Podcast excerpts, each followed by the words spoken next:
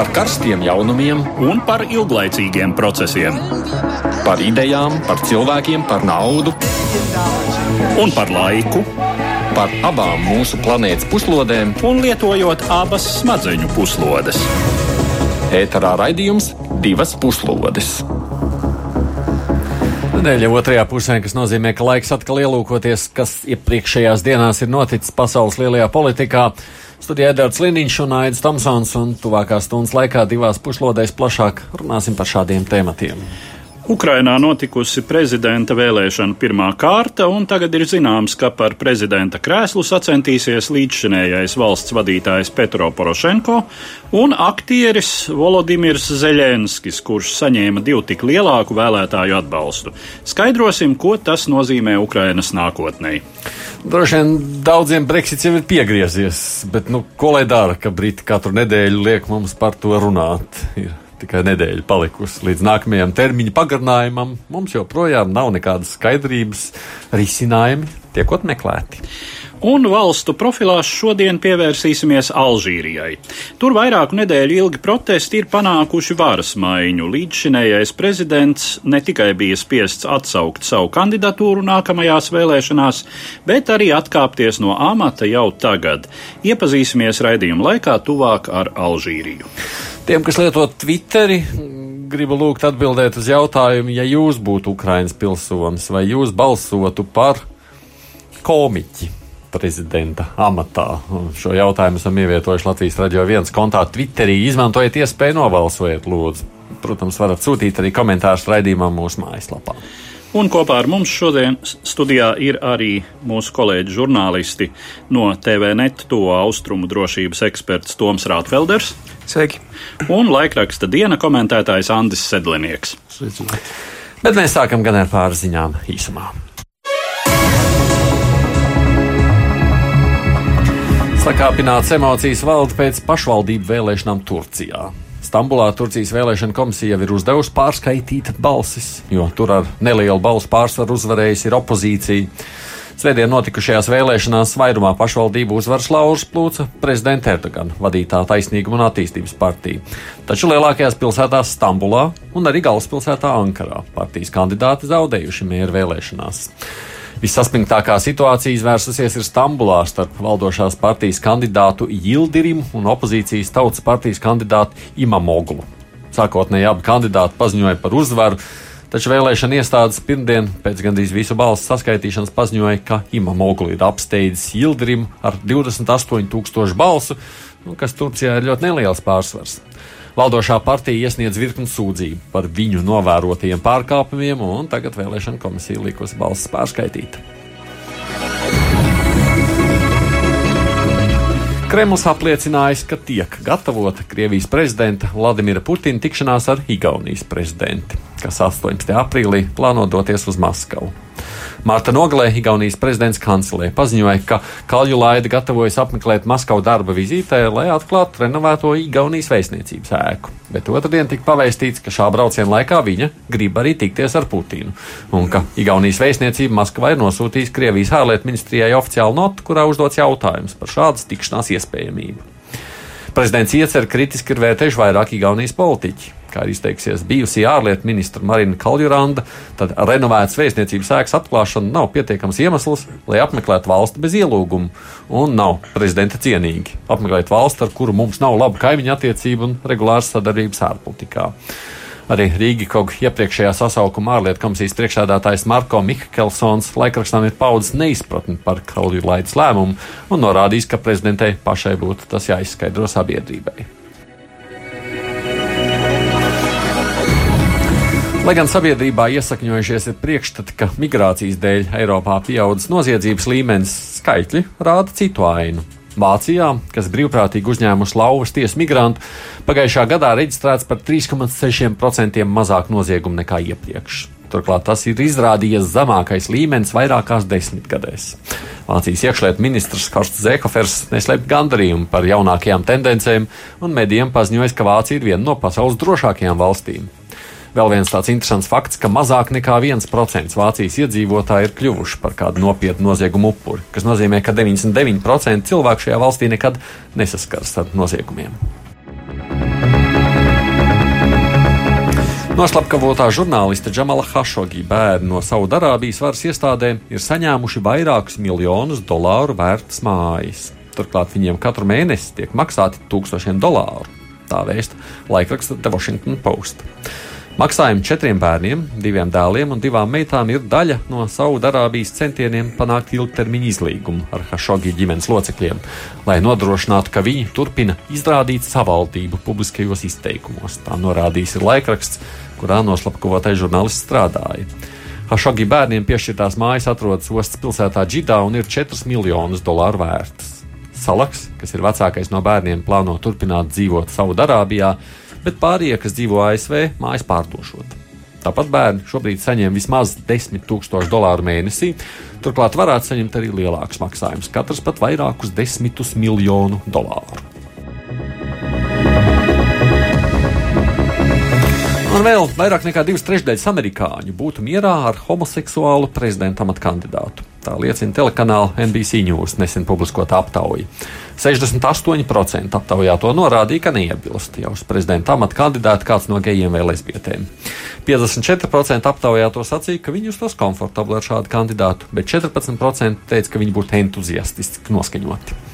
Vēl pirms 13 gadiem līdzīgā aptaujā vairums amerikāņu bija pret šādu iespēju. Toreiz tikai trešā daļa teica, ka viņiem nebūtu nērti, un priecātos par to tikai 5%.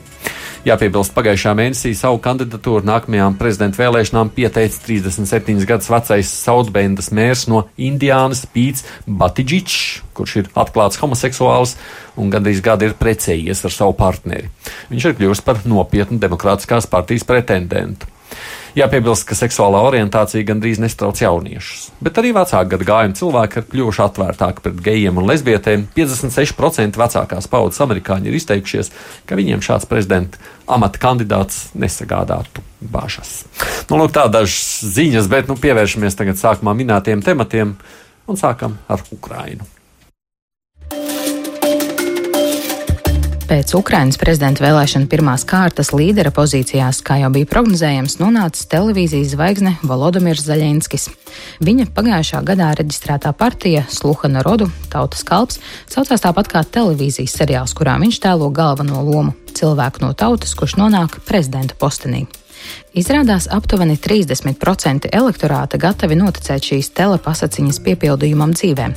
Tikmēr esošais Ukrainas prezidents Petro Porošenko, kurš kļuva par prezidentu 2014. gadā un vadījis valsti Krievijas agresijas situācijā, iegūs vien nepilnus 16% balsu.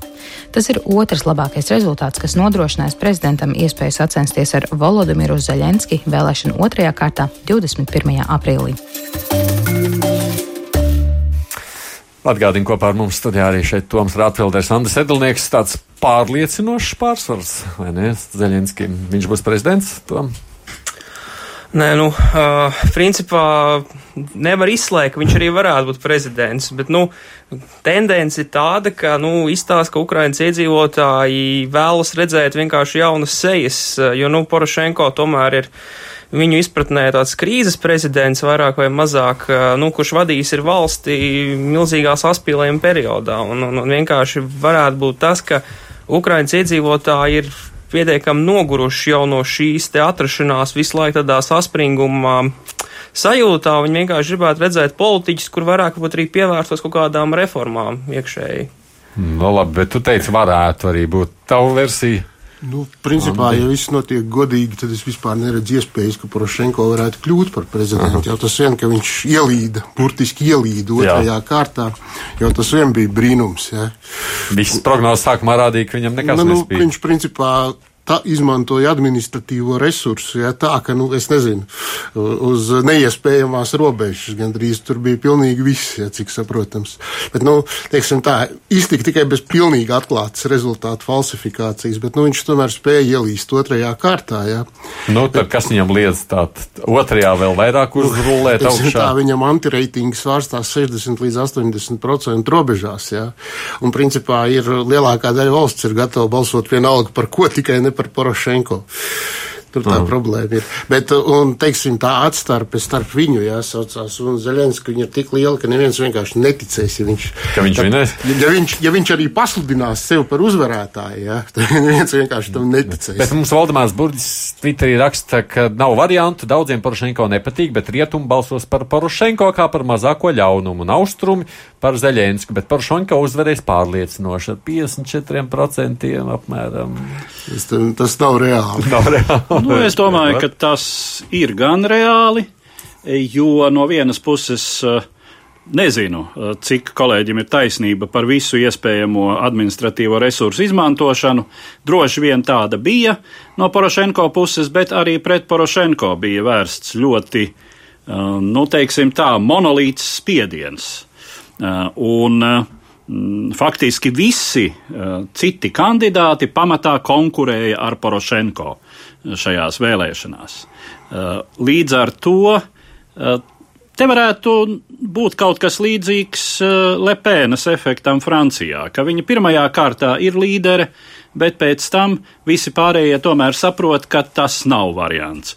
Un droši vien es tā lēšu, ka lielumlielais vairums Julijas Timošenko vēlētāju nobalsos par Porošenko, Uh, vēl vairāku citu kandidātu vēlētāju. Es, godīgi sakot, neesmu skaitījis tos procentus, uh, bet uh, mm, šie apmēram 13%, kas šķir Porošenko no Zeļenska, no Zeļenska varētu nebūt nepārvarams šķērslis. Nu, saka, Andi, tev ir iespējas izteikt savu. Nē, tu varianti tur ir visdažādākie. Es domāju, ļoti daudz, kas būs atkarīgs tagad no debatēm, jā, un principā tā situācija jau ir Zeļenskis jau pirmajā piegājienā spēja nostādīt sev favorītu lomā, ja jūs paskatītos tos, es vienkārši, saprotiet, Kāpēc es tik pārliecinoši runāju? Es vienkārši pasl paslēdzu Ukraiņas televīzijas kanālus, ja, kur televīzijas kanālos, pie kam nevis kaut kādos tur vētrainos Zelenska atbalstītājus, bet uh, kur auditorija, raidījuma vadītāji jau atklāti smējās, klausoties Porošenko atbalstītāju frāzes, ja, kur viņi stāst. Tur bija tāda situācija, ja, kad Porošenko it kā izaicināja Zelenski uz debatēm. Nu, ar mm. domu, ka viņš varētu atteikties, pie kam pats Porošenko iepriekšējās vēlēšanās izvairījās no debatēm. mm. Un šajā brīdī es domāju, viņš pieļāva pašu galveno kļūdu, jo Porošenko ir cilvēks, kurš visu lasa no sufliera un atkārto iemācīt runu un sacensties ar profesionālu šaumeni, jautro un attapīgo komandas kapteini.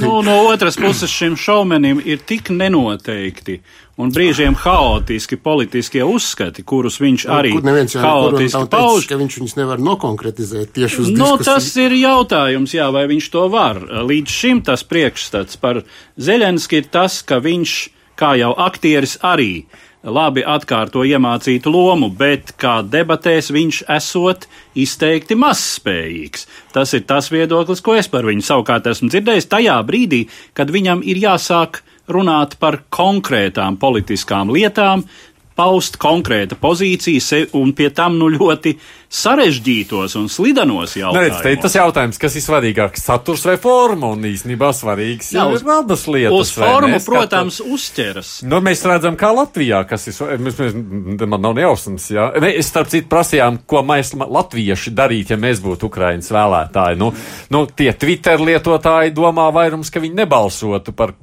par, par Zeļenski, bet viņi nedzīvo Ukrainā. Bet viņi nedzīvo, jā. 25% būtu gatavi tikai teikt, 75% faktiski saka nē. Te, nu, te ir tas būtiskais treš, jautājums, tā, tā, tā ko, ko Toms pieminēja, ka uh, iz, izjūta par kara situāciju. Uh, tas, tā ir veca patiesība, ka līderis, kurš vada valsti kara laikā, parasti pēc kara tā vai citādi no varas aiziet, jo viņš asociējas ar šo krīzes situāciju.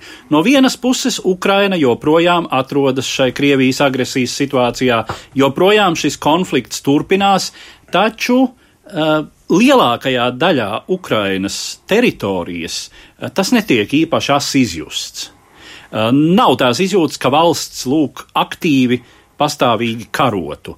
Un līdz ar to, jā, šis faktors ļoti lielā mērā uh, ir nācis, acīm redzot, Porošenko par sliktu. Uh, viņš tiek asociēts ar karu un kara laika nogurumu, no kura liela daļa sabiedrības gribētu atkratīties. Melnāšana kungs raksta tā, viņš gan balsotu par Zeļenski, jo komiķis nav vienkārši aktieris, bet persona ar spējām organizēt darbu, uzņēmumu vadīt cilvēkus, arī masas. Mēs skatāmies Amerikā, tur daudz valsts prezidenta nāca nebūdam politiķi, arī Reigans bija aktieris. Kā, no šāda viedokļa skatoties, jā, jūs aizmirstat, Zeļenskis ir ļoti talantīgs cilvēks. Viņš pats sevi no nekā ir uztaisījis par multimiljonāru.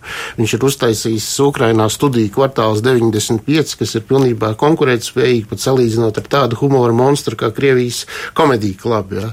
Viņa seriālus pērk Netflix, ja. vienīgos Ukrainā, un tā tālāk un tā joprojām. Mm. Jā, jā. Tā kā... Par to nav nekādu šaubu. Viņš nav tikai komiķis. Uh, viņš ir scenārists, viņš ir producents, un viņš tiešām uh, ir televīzijas zvaigzne uh, ar mediju uh, teiksim, šo mediju atpazīstamības kapitālu, kas katrā ziņā Ukrainas mērogos ir pilnīgi salīdzināms ar Donalda Trumpa kapitālu Amerikā. Bet jautājums ir, cik saprātīgs, mērķorientēts uh, prezidents visiem šķiet Donalds Trumps. Tas pats varētu būt jautājums arī par Zelenski. Un vēl, jo, vēl viens jautājums.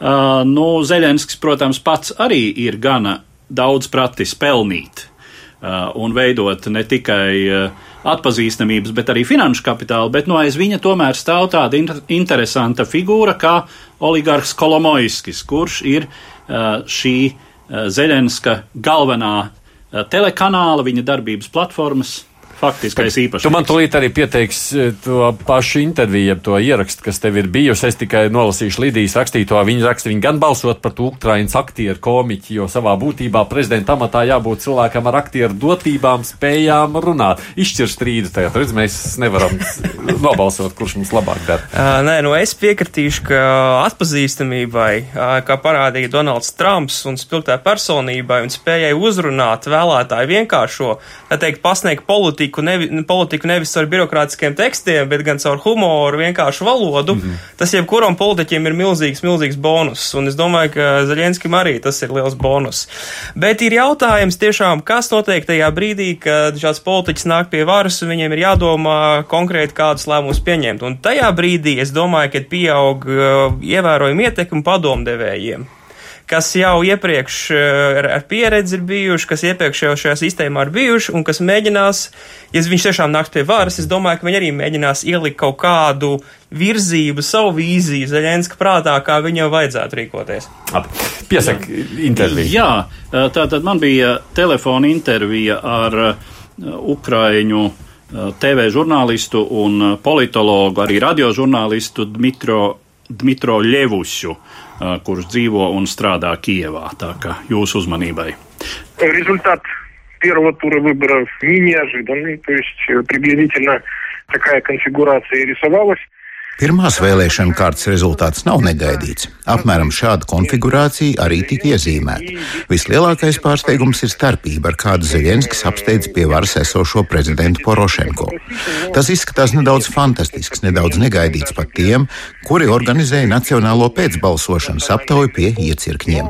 Tam pamatā ir mobilizācija, izmantojot iespējas, kādas sniedz oligarham Kolomoiskim piedarošais televīzijas kanāls 1 plus 1, kas nu jau praktiski šķiet 15 gadus gadus ir veidojis savu informācijas monopolu vidi, kurā tieši Zeļenskim ir milzīga loma. Kanāla apraide nosedz praktiski visu Ukrainas teritoriju. Tajā ir pietiekami sabalansēts ziņu un izklaidējošais saturs, un Zeļenskis tur visur ir klātesošs. Ja kaut vai uzskaitām tos produktus, kuros viņš tur dažādās hipostāzēs parādās - 95. kvartāls, vakara kvartāls, smieklu līga, raidījumi, kuros viņš ir vadītājs vai aktieris, teleseriāls Precinieki, kur viņš ir producents, multfilma Pasakainā Krievzem, kur viņš ieskaņo, milzums citu projektu, un kā odziņu uz tortes filma Tautas kalps, kur pirmoreiz tika pieteikts politiskās ambīcijas un vēl vairāk trīs gadu laikā viens pus viens auditorijā, kas acīm redzot ir vislielākā starp Ukrainas telekanāliem. Tika veidot pārliecība, ka lūk, ir vienkārši risinājumi, tika auklēts un lolots politisks infantīlisms. Seriāls bija mērķēts dažādiem cilvēkiem ar dažādiem uzskatiem. Trešā seriāla sezona ir nepārprotami orientēta uz prokrievisku auditoriju ar atklātu prokrievisku vēstījumu par Krievijas agresijas neesamību, Ukrainas sabrukuma pilsoņu kara rezultātā, orientēšanās uz agresīvu noskaņoto krievvalodīgo iedzīvotāju daļu. Tāds principā tīri populistisks projekts, kam bija lemti panākumi, cik tālu tas izmantoja oligarha Kolomoiska mēdīju resursu, kas ticis veidots nevienu desmitgadi, ne mazāk kā 15 gadus. Даже не за одно десятилетие, не менее 15 лет. Rodas jautājums, vai Zeļenskis vienkārši izmantoja šo savu popularitāti, kuru ir sev radījis, vai arī tas ir Kolomoiska pārdomāts un virzīts plāns. Un tādā gadījumā, ar ko tāds prezidents kā Zeļenskis Kolomoiskim ir izdevīgs un nepieciešams? Однозначно, конечно, это план Коломойского, то есть самостоятельность э, Зеленского тяжело поверить. Поскольку... Nepārprotami, tas ir Kolomojska plāns. Zelenska patstāvībai ir visai grūti noticēt. Viņi pilnībā neprasma debatēt, neprasma komunicēt ar cilvēkiem, ar žurnālistiem. Viņa haotiskie uzskati par ekonomiku un politiku, kas atklājās tajās tikšanās reizēs, kuras tomēr notika. Bija, piemēram, tikšanās ar biznesa pārstāvjiem, kurus citādi tik pamatīgi iztirzāti. Tas viss liecina par to, ka tas pat zināmā mērā nav viņa lēmums, un, teiksim tā, nav viņa sapnis. Apetīti viņam radās vēlāk. Kas attiecas uz Kalamoiski, tad viņam Zeļenskis būtu izdevīgs kā acīm redzam vājš prezidents. Kā prezidents, kurš no viņa ir nepārprotami atkarīgs, kā finansiālā ziņā, tā savā nespēja aplaust kādus neatkarīgus uzskatus. Kolomoiskim ir personiski nodarīts pāri ar to deoligarhizāciju, kas valstī tomēr ir sākusies un par kuras pirmo upuru viņš kļuva. Viņš to visu ir ņēmis ļaunā arī personiski prezidentam Porošenko.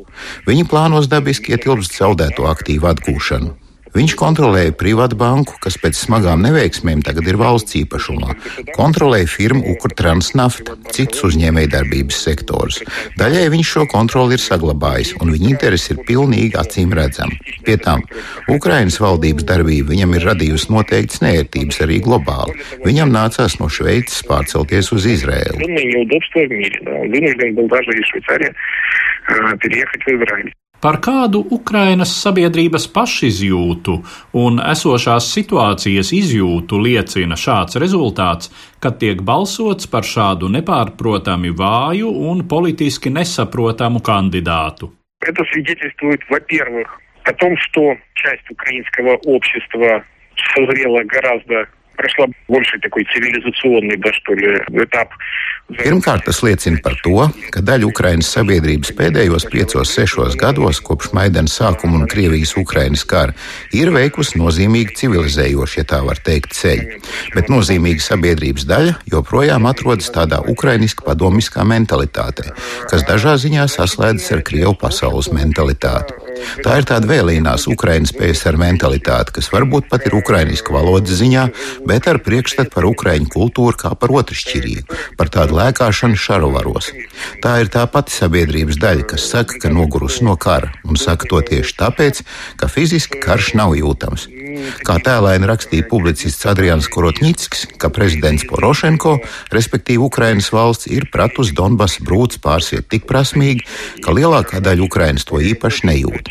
Izņemot, protams, to arī visai ievērojamo sabiedrības daļu, kur tas skar tieši. Mēs jau runājam ne tikai par Zelenska rezultātu, bet arī par tiem, kuri balsoja pret Porošenko, kaut arī nav Krievijas atbalstītāji. Lūk, tāpēc, ka kara izjūta ir pārgājusi, tāpēc, ka telekanāla informācijas ziņā būtībā pastāv monopols, rezultāts ir tāds, kāds ir. Tā nav sabiedrības sašķeltība, bet gan divu iespaidīgu mentalitāšu paralēla pastāvēšana. Viena ir moderna ukrainiskā, otra padomju ukrainiskā ar nozīmīgiem Krievu pasaules piemaisījumiem, respektīvi lojalitāte pret šo Krievu pasaules mentalitāti. Attīstība notiek, un ukrainiskā mentalitāte uzvar, taču šis mobilizācijas moments rada uzskatām rezultātu. Vēl tas liecina par to, ka zināmā mērā netika novērtēts tas, ka informācijas telpā joprojām nozīmīgi ietekmi ir televizoram. Ņemot vērā, ka pret Porošenko apvienojās lielākā daļa kandidātu - Timošenko, Gricenko, protams, Zeļenskis, arī Boiko un Vilkuls, kuri pauž atklāti prokrieviskus uzskatus, viņi visi pūlējās, lai Porošenko netiktu otrajā kārtā. Lielākie televīzijas informācijas kanāli pieder prokrieviskiem oligarhiem - Murājevam un Medvedčukam. Attiecīgi brīnīties par esošo rezultātu nenāks. Gluži otrādi, var runāt par Porošenko veiksmi, iekļūstot otrajā kārtā. Тут, наоборот, можно говорить об успехе, что Порошенко во втором туре. Nu, tā Ukraiņu žurnālists Andris sacīja, kamēr klausījās ierakstu, kur tad ir otrs tas viedoklis pretējais, ja, nu, proti, nu, šis ir nu, ļoti nu, skaidrs viedoklis. Tas nu. ir ļoti skaidrs Porošenko atbalstītāju viedoklis. Jā. Jā. Nu, es, ne, es nevaru atbildēt par Zelenskā piekritējiem, ja, bet es tomēr teiktu, ka šie stāsti par lielo atkarību no Kolomoiska Zelenskis ir persona, par kuru neviens nezina, ko viņš ir spējīgs, ko viņš grib, ko viņš dara, ko viņš vēlās, ieskaitot vēlētājus, un es nešaubos, ka ieskaitot arī Kolomoiski. Kas ja? ļoti atbilst prezidenta kandidātam. Jā, nu labi, labi, labi. Tagad, to es, to es vēl neteicu. Ja. Viņš, es teicu, viss parādīs debatas. Ja. Un otra lieta ir jāsaucās, kas attiecās uz visu šo prokrievisko, jā, tie cilvēki ir noguruši no kara, bet Zelenskis ir būtībā, nu, ja izņemot galīgi, teiksim, kandidātus no pašiem Ukrainas austrumiem, viņš ir vienīgais, kurš ir gatavs runāt par mieru. Visi pārējie tikai pastāv uz sevi, bet viņš ir atklāti atzīst, ka viņš ir gatavs runāt. Un es domāju, ka tas ļoti daudziem šķiet pievilcīgi, jo neviens atklāti nevēlas atzīt, ka viņi ir gatavi runāt ar Krieviju par mieru. Mm. Un tas ir, tas ir pluss, un, un es pieļauju domu, ka viņš to varētu arī darīt. Ei, ļoti svarīgi, lai ir šis viedoklis un dažādi viedokļi šeit raidījumā. Tas nu ir skaidrs, jā. Vai, vai mēs uh, faktiski tā īsti saprast varēsim laikam tikai pēc kādām pāris nedēļām, kas un kā nu, notiek. Acīm jā. redzot, jā, lai gan, nu, kolēģis jau ļoti pareizi saka, ir jāpavēro tās debatas, kādas tās notiek, varbūt kļūs mazliet skaidrāks. Eh, varētu, kāda varētu būt ievēlēšanas gadījumā Zelenska politika. Eh, un te ir divas ļoti lielas eh, tēmas. Viena tēma ir tiešām attieksme pret Krieviju un kaut kādu iespējamo šī, nu jau faktiski iesaldētā konflikta izkustināšanu. Jautājums, kāda tā varētu būt, nu ir pilnīgi skaidrs, ka Uh, nav un, un no Ukrainas viedokļa nedrīkst būt iespējams atzīt, piemēram, Krīmas piedarību Krievijai, uh, un kas attiecas uz Ukrainas austrumiem, tad nu, arī, teiksim, mm, kaut kāda šo separātisko republiku atzīšana tāda vai citāda no Ukrainas valstiskuma viedokļa īsti nav domājama.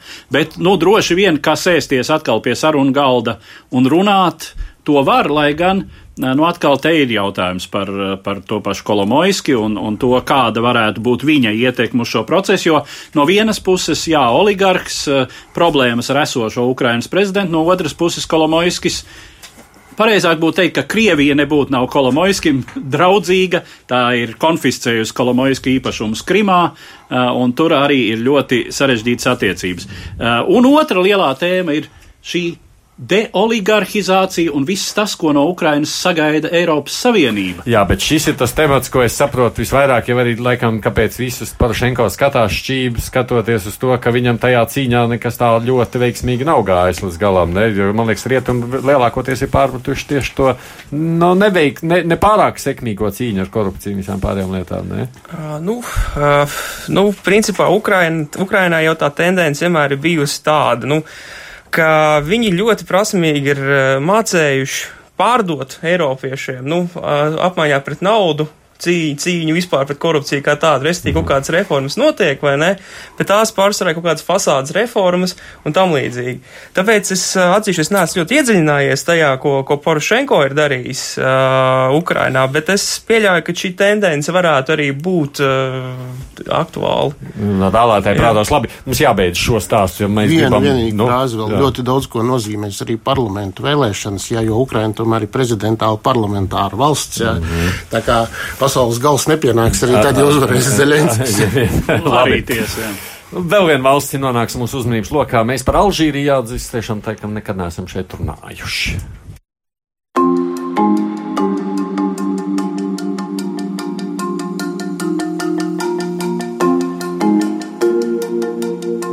Kopš 19. gadsimta pirmās puses Alžīrija bija Francijas kolonija, pie tam no visiem franču koloniāliem valdījumiem tā bija visciešāk saistīta ar metropolu un tajā dzīvoja ļoti ievērojama franču kolonistu kopiena. Alžīrijas atbrīvošanās cīņa 50. gados noveda pie smagas politiskās krīzes pašā Francijā, kas bija iemesls radikālākai konstitūcijas reformai un Francijas 4. republikas nomaiņai ar 5. republiku. Savukārt Alžīrija 1962. gadā iegūst neatkarību, nonāca Nacionālās atbrīvošanas cīņas vadījušās Nacionālās atbrīvošanas frontes kontrolē. Pakāpeniski arvien lielāku ietekmi valstī guva militāristi, un 1965. gadā pie varas nāca militārs režīms ar pulkvedi Huarī Bemedenu priekšgalā. Bumēdens īstenoja uz padomju modeli orientētu politiku - vienpartiju sistēmu, rūpniecības nacionalizāciju, lauksaimniecības kolektivizāciju un intensīvu industrializāciju. Šāda veidotā tautsēmniecība bija neefektīva un pamatā balstījās uz naftas un gāzes eksportu. Bumedena varas mantinieka Šadlī Benģedida laikā 80. gados naftas cenām krītoties, ekonomiskā situācija Alžīrijā arvien pasliktinājās un auga sabiedrības neapmierinātība. Padomju sistēmas sabrukums 80. gada beigās deva grūdienu pārmaiņām arī Alžīrijā. Režīms bija spiests atļaut daudzpartiju sistēmu. Taču, kad demokrātisku vēlēšanu rezultātā pie varas grasījās nākt Islāma glābšanas fronte, notikumos atkal iejaucās armija. Sakoja pilsoņu karš, kas turpinājās līdz pat šī gadsimta sākumam. To sauc arī par melno desmitgadi. Kara noslēguma fāzē 1999. gadā pie varas nāca prezidents Abdelazis Butaflika. Viņam izdevās stabilizēt situāciju valstī, krasi mazināt vardarbību un īstenot nacionālās samierināšanas stratēģiju. Tas sākotnēji nodrošināja prezidentam Butaflikam plašu sabiedrības atbalstu, un ja viņa sākotnējās ievēlēšanas leģitimitāte tika apšaubīta, tad 2004. gada vēlēšanas, kurās viņš ar pārliecinošu pārsvaru tika ievēlēts uz nākamo termiņu, tiek uzskatītas par visumā godīgām. Tomēr pēdējos gados vecišķā prezidenta autoritāte bija krietni sašķobījusies. Pēc 2013. gadā pārciestās triekas viņš tikpat kā vairs neparādījās publiskajā telpā, un reālā vara arvien pamanāmāk nonāca viņam pietuvināto rokās. Šī varas deģenerācija notika uz naftas cenu kritumu izraisītas smagas finanšu krīzes fona. Kad februārī Būtaflika paziņoja par nodomu kandidēt arī nākamajās prezidenta vēlēšanās, valstī sākās protesti. Tajos iesaistījās pamatā gados jauni ļaudis koordinēt kustību sociālajos tīklos. Demonstrācijas bija lielākoties mierīgas, taču kļuva arvien masveidīgākas un aptvēra visu valsti. Gal galā pēc tam, kad ar prasību pēc Būtaflikas atkāpšanās nāca klajā Alžīrijas armijas vadība, 20 gadus valdījušais līderis 2. aprīlī paziņoja par savu atkāpšanos. Tomēr, kā lēš komentētāji, ar to var būt par maz, lai pārtrauktu protestus. Protestu kustības dalībnieki ir apzinājušies savu spēku un arī to, ka ar senilā līdera aiziešanu vien valsts problēmām nebūs līdzēts. Divas puslodes! Atgādījums studijā no mums ir no TV netu austrumdrošības eksperts Toms Rātfelders un Lietuvas dienas komentētājs Andris Sedlnieks, protams, arī mēs ar Eduardu Liniņu. Kas jūs prāt tagad notiks Alžīrijā? Es varbūt pārprasēšu jautājumu, kas notiek Alžīrijā pagaidām. Un kas tagad notiek? Jā, protams, saprotu, protests turpinās. Jā, tikai par bet ko? uh, lieta ir tāda īstenībā, ka Alžīrijiem apstāmies, kas notiek ar Arābu pavasarī Jā. uh, 11. gadā. Tad Alžīrijā šie protesti uh, tajā laikā bija salīdzinoši minimāli un praktiski nenotika. Un daudz uzdeva jautājumu, kāpēc tā? Un, un, tas, un daudz uzskata, ka tas bija tādēļ, ka vienkārši Alžīrijas iedzīvotājiem vēl vien bija prātā 90. gadu pilsoņu kara notikumi.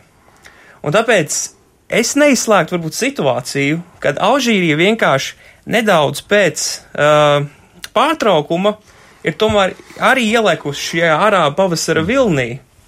Un arī režīms valdošais saskaras ar tiem pašiem izaicinājumiem, ar ko saskārās uh, režīms Tunisijā, režīms Eģiptē, režīms Sīrijā. To var saukt par revolūciju. Nē, noteikti ne revolūcija. Šie, šie ir protesti. Šie ir protesti pret problēmām, uh, kas principā arābu pasauli jau ļoti labu laiku um, kremt, tā teikt. Šī, šī, šīs problēmas, jeb izaicinājumi ir milzīgais jauniešu bezdarbs, restīvi milzīgā jauniešu populācija, brīvības deficīts, um, neziņa par nākotni un uh, vispār nu, tāds, tāds nosacīt tāda bezcerī, bezcerī, bezcerīgums sajūta, ka ne, nevar neko mainīt šajās valstīs, un ka šī valdošie režīmi ir tie, kas principā šos jaunos cilvēkus žņaudz, un viņi nesaprot viņus, un, un, un, un tādā veidā. Un principā tā vien izskatās, ka Buteflika ar šo jauno ar savu lēmumu arvien ar tur palikt pie varas un vēlēšanās kandidēt atkal, ir izraisījuši tieši šo te protestu vilni ar, ar, ar, to, ar to sajūtu, nu kā, nu, tik vecs cilvēks, viņš jau ir tik ilgi bijis pie varas, mm. viņš vispār mūs nesaprot, viņš vispār nerisina problēmas, valstī milzīgs bezdarbs, ekonomiski, ekonomiskā, ekonomiski izaicinājumi, un vēl viņš vēl vien paliks pie varas. Bet man ir tas sajūta, ka tur jau tajās valstīs regulāri slēgšanas te uzplaiks. Pirmkārt, jā, nu, teiksim, ir reliģiskais faktors, ir ļoti lielā dzimstība, jā, un tas stāsts pat, ja tev ir daudz naftas un gāzes, ja tu esi kuveita vai kā tur Brunēja jāsaucās, tad pietiek visiem, jā. Bet, ja tev tur ir desmitiem un desmitiem un desmitiem miljoni jāsaucās, nu, tad visiem nepietiek, jā. Un, diemžēl, tā ir problēma, un tur nekā, un principā es nezinu, kā, kā no tā izvairīties, man liekas, neviens nezin. Tā ir emigrācija migrācija, ja, un viss pārējais. Un, attiecīgi, būtībā, ja nu, tas, ja nu šajā gadījumā būtu tā flika pie kaut kā ir uh, vainīgs, tad tikai pie tā, nu, ja tu esi paralizēts jau cik gadus un lielāko daļu laika pavadi ārvalstu klīnikās un tikai nomināli skaities prezidents, tu nevari ne parunāt, ne trib, nu, pat nekomunicē ar pilsoņiem un ko un grib kandidēt vēlēšanās, nu, tas tomēr neizklausās, sazin, cik mm. nopietni. Ja. Ne, nu jau, man liekas, arī protestētu šeit, vai ne? Nē, nu mēs jau ar tevi, Haidi, to esam piedzīvojuši. Nu, mēs atceramies šos pēdējos padomu valsts līderus, kuri bija no, līdzīgi. Mēs neprotestējām. Nu, nu Buta, nebija... Viņi salīdzinot ar Butafliku ir sprauni jaunekļi vēl. nu, nu jā, nu Brežņevs dažas nedēļas pirms savas nāves vēl bija spējīgs uzrās, uzrāpties uz uh, mauzolē tribīnes un pastāvēt, ka, kas arī. Nu jā, nu viņš jau labu laiku ir bijis ratiņkrēslā, cik var saprast, uh, bet uh, tas pats faktors, ka tie, uh, tā varas elite, ģimene, klans, kas ir ap viņu, nu, tiem tā vara ir vajadzīga. Tiem nu, grūti spriest par Alžīriju šajā gadījumā, bet droši vien dažos gadījumos varas zaudēšana var nozīmēt arī pēc tam uh, um, izskatīšanas procesu, Dzīvības kā viņi, kā viņi šo varu, nu, vai katrā ziņā brīvību, vai katrā ziņā mūža emigrāciju, uh, kas, kas arī nav nekas jauks. Jā. Jā. Vēl viens uh, arguments, tā kā lieta, nu, principā ir tā, ka Alžīrijas cilvēki, viņi pagaidām neprotest, neprotestē tikai par Butefliku, viņi protestē pret visu režīmu. Mm -hmm. Jo tādās valstīs kā Alžīrija, Ēģipte, ir problēma tā saucamais deep state, jeb dziļā valsts. Respektīvi, ka līderis īstenībā ir tikai marionete, jeb ieliktenis lielajai sistēmai, kas ir zem viņa apakšā. Un cilvēki īstenībā to ļoti labi saprot tagad, un tāpēc arī viņi turpina protestēt. Jo, lai gan Buteflika ir paziņojis, ka nē, un atkāpies, nē, jā. bet tik un tā viņš ir izveidojis jau pārējais valdību, kur, kur principā sastāv no šī režīma jau cilvēkiem. Un, un, un cilvēki to ļoti labi saprot, un viņi tāpēc es domāju, ka mēģinās panākt soli tālāk nekā bija Eģiptē. Jā, bet, nu, jā. Un, tas, un, jā, un te ir tā problēma ar, ar Alžīriju. Nu, cik es zinu un saprotu, tad tā sistēma, kas tika uzbūvēta 60. un 70. gados, šī um, padomju stila vai, vai uz padomju stilu orientētā uh, totalitārā sistēma, uh, Eh, nav līdz galam demontēta. Eh, tur tie elementi joprojām ir saglabājušies, nu, kaut vai ļoti liels valsts sektors, eh, kuru Butaflika tā kā ir mēģinājis pēdējos gados mazliet mazināt, tur ir kaut kāda privatizācija sākta, bet vienalga joprojām šī ekonomika pamatā, kā pirms 20 un 30 gadiem, ir naftas un gāzes caurule. Uh, Eh, kas iet Eiropas virzienā. Alžīrija ir otrais lielākais eh, gāzes piegādātājs Eiropai pēc Krievijas. No otras puses, kā resursi ir. Nu, tā, Nē, nu, teikt, ka... Es gribēju teikt, ka šajā gadījumā problēma ir arī tur, ka šiem nav, tur nav vienkārši izņemot uh, tos, kas ir pie varas, nekādu citu redzamu spilgtu līderu tur vienkārši nav. Saprotiet, un es ar to, un uh, Es pieļauju domu, ka tas galvenā kārta, ka tagad, ja arī tiks sarīkotas kādas vēlēšanas, tad vienkārši atnāks armijas kandidāts, un viņš uzvarēs arī tad, ja viņš neuzvarēs. Ja, apmēram pēc tāda principa. Ja. Un vai tas atrisinās problēmas? Es domāju, ka nē, bet, nu, principā problēmas neatrisinās arī šis jaunais, gaišais un spožais kandidāts, ja viņš atnāks pie varas, jo no tā nekas jau nemainīsies. Sapcīt, tas ir vēl viena interesanta lieta, ar ko, ar ko var salīdzināt protestu tagad Alžīrijā un Eģiptē. Ja mēs redzam, kas Eģiptē notika 13. gadā, ja atcerat, atceramies, ka musulmaņu brālība principā bija pie varas ļoti, ļoti sanikta no iedzīvotājiem ar konstitucionālajām reformām, izraisīja protestus, un tad nāca militāristi, kas tā teikt atjaunoja revolūciju. Un viss bija laimīgi. Un viss bija laimīgi, un tad mums sanāk, tagad ir jauns režīms ar Abdul Fatahu Sisī priekšgalā. Alžīrijā cilvēki tagad, uh, es cik esmu lasījis arī mēdījos un skatījies diskusijās ekspertu, uh, viņi ir nedaudz mācījušies no šīs te Ēģiptes situācijas un saprot, ka tagad, kad armija mēģina iejaukties politikā un uh, nomest Butefliku, kad ir risks, kad, kad, šomā, kad armijas vadība atkal var izveidot jaunu sisī. Jo principā jau, jau lieta ir tāda, ka Alžīrijā armija vienmēr ir bijusi klātesoša pol, valsts politikā. Un, uh, principā, ir viens tāds teiciens, man liekas, ka, uh, ja, ja, ja parasti ir, nu, valstīm ir armija, tad uh, Alžīrijas gadījumā armija ir atradusi savu valsti. Nu, tas ir, tas ir vēsturisks sens teiciens, jā, ko savulaik teica par Prūsijas karaļvalsti. Jā, jā, 18. Tas ir visās reģionu valstīs, tur katra, ar, katrai armijai ir pa savai valstī. Tieši, tieši tā, nu teiksim, mēs visur redzam to, ka ir armijas klātbūtne, kura pēdējās desmitgadēs lielā mērā tur prom no varas radikālo islāmu. Tādā vai citādā veidā. Un tā tas ir zināmā mērā Turcijā, un tā tas ir Ēģiptē, un apmēram šis pats mehānisms darbojas arī Alžīrijā. Nu, cik var spriest, tad šī brīža protestos radikālā islāma klātbūtne īsti nav novērojama. Bet, nu, tas, tas, kā zināt, tas, ka radikālais islāms arī Alžīrijā ir, tas ir skaidrs. Eh, līdz ar to, protams, protams, var prognozēt, ka šobrīd Eiropas Savienība un Rietumi kopumā būs ārkārtīgi atturīgi atbalstīt no savas puses. Tur nebūs nekas līdzīgs, kā tas bija Lībijā.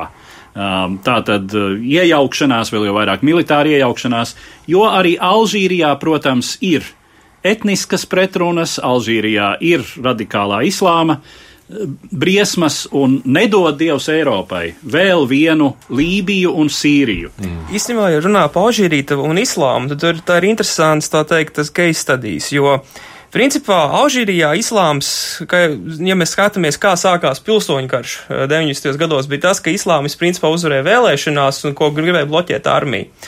Bet lieta ir tāda, ka šī pilsoņu kara laikā šie islāmisti izmantoja ļoti negantas kara stratēģijas gan caur bērniem, karavīriem, gan cilvēktiesību pārkāpumiem un tam līdzīgi. Un līdz to tas, tas arī sadusmoja cilvēkus un tā teikt mazināja atbalstu islāmistiem kā tādiem tajā laikā.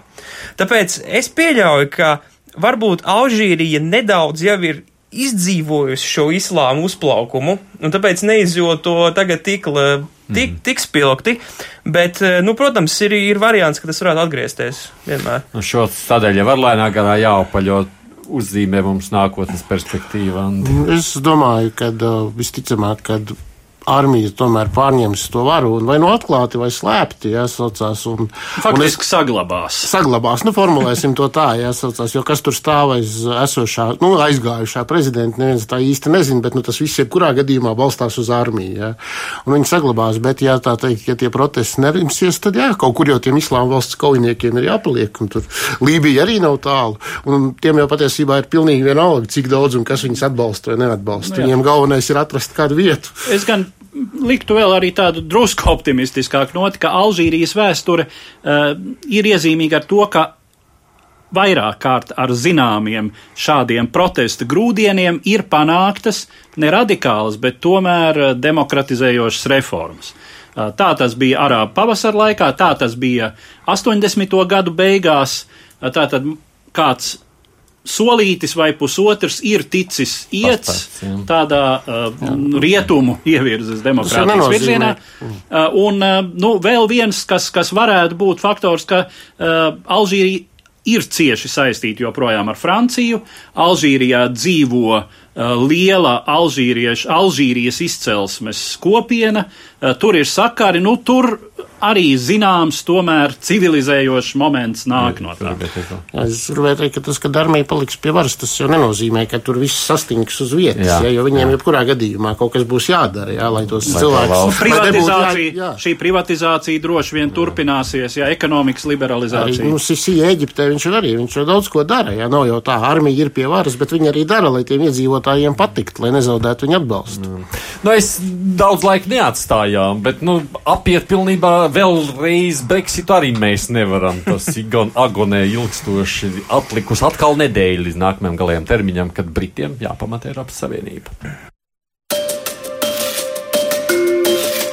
Vakar naktī Lielbritānijas parlamenta apakšpalāta ar vienas balss pārsvaru pieņēma likumprojektu, ar kuru premjerministrei Mējai tiek uzlikts par pienākumu censties panākt izstāšanās termiņa pagarinājumu, lai izvairītos no izstāšanās bez vienošanās. Likuma spēku šis nolēmums gan iegūs tikai pēc apstiprināšanas Lordu palātā. Eiropas Savienības līderi gan jau vairāk kārt norādījuši, ka par izstāšanās termiņa pagarināšanu pēc 12. aprīļa var būt runa tikai tad, ja Lielbritānija apstiprinās iepriekš parlamentā jau trīsreiz noraidīto vienošanos vai piedāvās citu konstruktīvu scenāriju. Kā zināms, indikatīvo balsojumu tūrē pagājušā pirmdienā Britu likumdevēja jau atkal noraidīja arī četras iespējamās alternatīvas esošajam izstāšanās līgumam. Tāpat vakar Terēza Meija spēra soli, par kura nepieciešamību jau kādu laiku izskās Eiropas politiskajās aprindās. Viņa beidzot uzsāka konsultācijas ar lielāko opozīcijas spēku, Leiboristu partijas līderi Džeremiju Korbinu par kopīgu izējas meklēšanu no politiskā strupceļa. Sarunu izšķirošais etaps paredzēts šodien, taču jau tagad ir skaidrs, ka tuvināšanās laboristu pozīcijai Brexit jautājumos nebūs pieņemama daudziem konservatīvās partijas biedriem un arī mējas kabineta locekļiem. Ko, jautājums tas pats. Izdosies kaut kādu kompromisu beidzot Lielbritānijā atrast? Es teikšu, apmēram tāpat, kā tu teici sarunas sākumā. Es nezinu, ko domāt par ļaudīm, kas paši nezina, ko viņi grib. Jā. Viņi vienkārši. Nu, Nē, nu, katrs jau kaut ko grib, tikai kopā grib nu, jā, nu, sapulcināt. Viņiem nav kā. Es, es nezinu, ko domāt. Jā. Es tiešām nezinu, ko domāt. Es kādreiz domāju, ka viņi spēs vienoties. Viens Manā... grib šo, otrs grib to, trešais to, ceturtais to, un katrs jau kaut ko grib. Es tagad, vairs, es tagad baidos izteikt kaut kādas prognozes. Tur viss plūst un mainās tik strauji. Man liekas, ka šis ir ļoti zīmīgi ka um, tagad, kad Mēja ir sākusi sarunāties ar Korbinu, tas vienalga uh, Lielbritānijā un jo sevišķi konservatīvajā partijā daudziem šķiet apgrēcības un ķecerības kalngals. Sajieties šādā veidā ar opozīciju. Uh, tas, ka teiksim, valsts liktenis, ka vispār nacionāli nozīmīgi procesi ir likti uz spēles, Tas kaut kā joprojām līdz šim ir bijis otrajā plānā. Uh, nu, tagad šīs sarunas notiek. Neviens gan uh, īpaši neprognozē pozitīvu iznākumu. Uh, arī šis balsojums uh, vakar. Vakar vispār tie balsojumi bija vai nu vienāds 130, Jā. vai cik tur 113, kam, 113. Pie kam konservatīvie, nu, konservatīvie balsoja pret šo likuma projektu, kas nav indikatīvais balsojums, Jā. kas ir likuma projekts. Eh, ar kuru mējai tiek uzlikts par pienākumu tātad panākt pa, termiņu pagarinājumu. Gandrīz visi konservatīvie balsoja pret. Kāpēc? Tāpēc, ka pārāk ātri tas ir virzīts cauri parlamentam. Parasti šādus likumprojektus apspriež vairākas nedēļas. Te tas ir vienas dienas laikā izgājis. Tas, ka pēc nedēļas Lielbritānija vienkārši, piedodiet par izteicienu, vienreiz apniks un izmetīs no tās Eiropas Savienības aiz krāgas, es atvainojos, ja? vai, vai nu pareizāk sakot, teiksim, uh, parauz to kloķīti un izlidos. Ja? Uh, tas kaut kā joprojām nešķiet īsti Londonā iedarbīgs arguments. Izklausās, ka tu arī kļūsi skeptisks par viņiem. To. Uh, nu, man šajā visā stāstā īstenībā, nu, uh, Visvairāk žēl ir Terēzes Meijas, ja godīgi. Žēl. nu, žēl. Tādā ziņā, nu, no vienas puses, protams, uh, viņa kā politiķa arī ļoti vēlās, lai viņu atcerētos kā, kā cilvēku, kurš, uh, tā teikt, izgāja no Eiropas Savienības ar vienošanos un padarīja to puslīdz struktūrētāku, vai ne? Bet no otras puses, viņas iespējas kaut ko tādu izdarīt, tas, nu, jebkurā gadījumā ir grūti, un pat ja viņai ir kaut kāds politiskais aprēķins, kā varētu savus reitingus, nu, varbūt ne reitingus pacelt, bet, nu, kā savu imidžu politisko varētu pārdot vis, vis, visai pasaulē pēc tam pensijā tālāk tad izstāsta, ka viņai tas pagaidām nu, galīgi neizdodas, un, un, un viņai īstenībā tik tik daudz stresu ir jācīnās un ar tādu deadlocku tā saucamo jātiek galā, ka, nu, grūti viņai. Tā jau tu nevienīgais žēlo nu, šajā brīdī. es domāju, ka šobrīd diezgan daudz kas ir atkarīgs no tā, ko Eiropas valstu līderi teiks, kādu, kādu nostāju paudīs šai 10. aprīļa samitā. Jā, bet līdz tam 10. kaut kam taču ir jānotiek. No, no nu, Lielbritānijā var lūk, nenotikt arī nekas, kā mēs. Jā, lūk, kas būs nākošais. Man nākamajā ceturtdienā mēs sēdēsim šeit Edvards Liniņš, bet jūs nebūsiet. Sakiet, kas, kas būs nākamajā ceturtdienā? es nezinu. Es visticamāk, ka es pieļauju domu, ka nu, tas pacietības mērs nu vienreiz taču viņam ir jābūt izsmeltam. Nu. Eiropiešu. Es, Eiropiešu, jā, nu būsim būsim godīgi, nu, Briti, e, tas, protams, ir izdevīgi, bet konceptuāli Briti kontinentālajai Eiropai nav nekādi sirdsdraugi. Ja? Tīri vēsturiski un viss pārējais vēsturiskie aspekti, ja Britu tur visādas Jā. manipulācijas, viņi nav sirdsdraugi. Un ja viņus cieši tāpēc, ka tas ir izdevīgi, tad vienreiz taču tomēr tas vadzis lūzīs. Zīmīga, zīmīga ir prezidenta Makrona uh, retorika šobrīd. Francija ir tā, kas cietīs reāli visvairāk bezvienošanās Brexit gadījumā, ciešu ekonomisko saišu dēļ. Ja prezidents Makrons saka, nu, nu jau vienreiz pietiek, un ja nevar izdomāt, tad ies ārā bez vienošanās, nu, tad, tad tas ir signāls. Nu, bet tā tad tu būtu valsts vadītājs, tu nākamā nedēļā nu, teikt, beidzam šo stāstu. Nu, pēc tam parlaments man nomest valsts vadītāju un sāktos viss pa jaunam. Nu, jebkurā gadījumā mēģi parlaments jau ir nometis. Tā kā, nu, Jā, nu bet... principā pie viņas turās, tāpēc, lai Korbins nenāk pie varas. Tā kā, tā kā es pieļauju, ka jebkurā gadījumā, tā, kad viņi noslēgs to fāzi, tad, nu, viņi arī, čau, viņi arī pateik, pat, pateic pat īstenībā, ka viņi grasās doties, doties projām. Nu. Tas ir skaidrs, ka viņas dienas mēs jau te pagājušajā un, un īstenībā tas, tā salīdzina, padomājiet, nu, ka, uh, principā, mums jau ir otrais politiķis Lielbritānijā, kurš uh, nenoved šo procesu pilnībā līdz galam. Nu, mums bija Kamerons iepriekš, kurš tā kā uztaisīja referendumu, un, un, un kad, kad bija jācīnās ar sekām tam referendumam, viņš iedeva to purkānu tālāk mejai. Un tagad meija aizies, un tagad būs jācenās sekamatāja aiziešanai, tad viņi nodos tālāk atkal. Nu, nu vienīgais tas nākamais Džonsons skatās, nu, kamēr nav, kamēr šāda situācija, man liekas, viņš negrib. Viņš ir gatavs tikai tad, kad būs kaut cik atrisināta lieta, tad viņš kļūst par premjeru. Apmēram tā. Es nezinu, es godu vārds vairs nezinu. Jā, es labprāt atbildētu, bet es nezinu. Jā, bet. Uh, nekāda traģēdija nenotiks, ja nākošajā piekdienā šis stāsts beigsies ar izmešanu ārā. Nu, ko nozīmē traģēdija? Nu, drāma tā būs. Nu, no, kāda? Uh, jo man tas būs, tā, tā, tie būs milzīgi, nu, milzīgi. Kort, nu labi, Latvija tas īpaši neskars. neskars nu, jaut, nē, nu, jautājums, kā būs ar avio reisiem, piemēram, uz Londonu. Cik, cik tie ilgi, labi, tas, ka netiks lidos, pārtraukti, ir skaidrs lidos, bet cik ilgi tie kavēsies, uh, cik ilgi cilvēki iestrēgs muitā, piemēram, ja, cik, ne, un labi, labi cilvēki, ja, bet preces, kravas, ja, un kāpēc es pieminēju Franciju, Uh, tur var būt uh, nu, pamatīgi sastrēgumi ar sabojātiem, vairs nelietojamiem produktiem un tā tālāk. Tad varbūt jāļauj, lai pamēģina. Ja, ja tur ir nevar. milzums neatrisināt tīri tādu administratīvu, tehnisku jautājumu, bet principā to jau visu var atrisināt. Nu jā, un, protams, protams, īrijas robeža. Un īrijas robeža tas jau ir sarežģīts jautājums. Es domāju, mēs kaut kad uh, drīzākajā laikā veltīsim šai Jā, īrijas, ziemeļīrijas problēmai atsevišķi. kādu atsevišķu raidījumu tēmu. Uh, bet uh, tas jau draud ar daudz nopietnākām sekām. Nu, ja, nekāda prognoze nebūs 50, 40, 60, 70, 30. Nē, zinot to, kā tas viss ir attīstīties, man liekas, neviens politologs pagaidām īpaši nevēlētos. Vēl pirms mēneša mēs prognozējām, kā tas tā viss sabojājies līdz šim. Jā. Jā, mēs pārāk slikti saprotam britu politiku. Lai saprastu britu politiku tāpat kā ar franču vīnu, lai saprastu franču vīnu, ir jāpiedzimst Francijā. Lai saprastu britu politiku, acīm redzot, ir jāpiedzimst Lielbritānijā. Citādi tas ir kaut kas mūsu garšas kārpiņām politiskajām pilnīgi neustverams. Bet iespējams, ka viss tā problēma ir tāda, ka viņi ir tik ļoti atšķirīgi, ka tur vairs nekāda United, ka, nu, apvienotā karalista vairs nav, kā tur teica. Viņi ir šobrīd, nu, viņi vienkārši ir sadalīti karalisti. Nu, principā ir elites, jā, elites ir stipri sašķēlušās politiskās, jau praktiski nesavienojami, jā. jā, jā. Nu, par iedzīvotājiem. Jā, par sašķeltu nāciju runā ļoti daudz šobrīd. Mums... Ko tas atkal īsti nozīmē, jā. tas ir cits jautājums. Par šo arī vajadzētu vēl vienu atsevišķu, varbūt raidījumu kaut kad veidot tam līdzīgi. Labi, nākošajā ceturtdienā mēs šeit tiksimies, būs jau Eiropas Savienības samits noticis, mm. un es ceru, ka nebūs pabīdīts atkal datums uz vēl kādu nedēļu priekšu. Mums jau kādreiz šeit jābeidz šo tēmu. Būt to austrumu drošības eksperts Toms Strātfelders, laikraksts dienu komentētājs Ants Sedlnieks. Paldies jums, ka atnācāt. Protams, arī Edvards Liniņš. Es arī Aits Tamsons, producente Ieva Zeiza.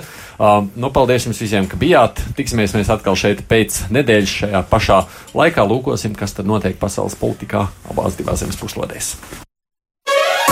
Divas puslodes!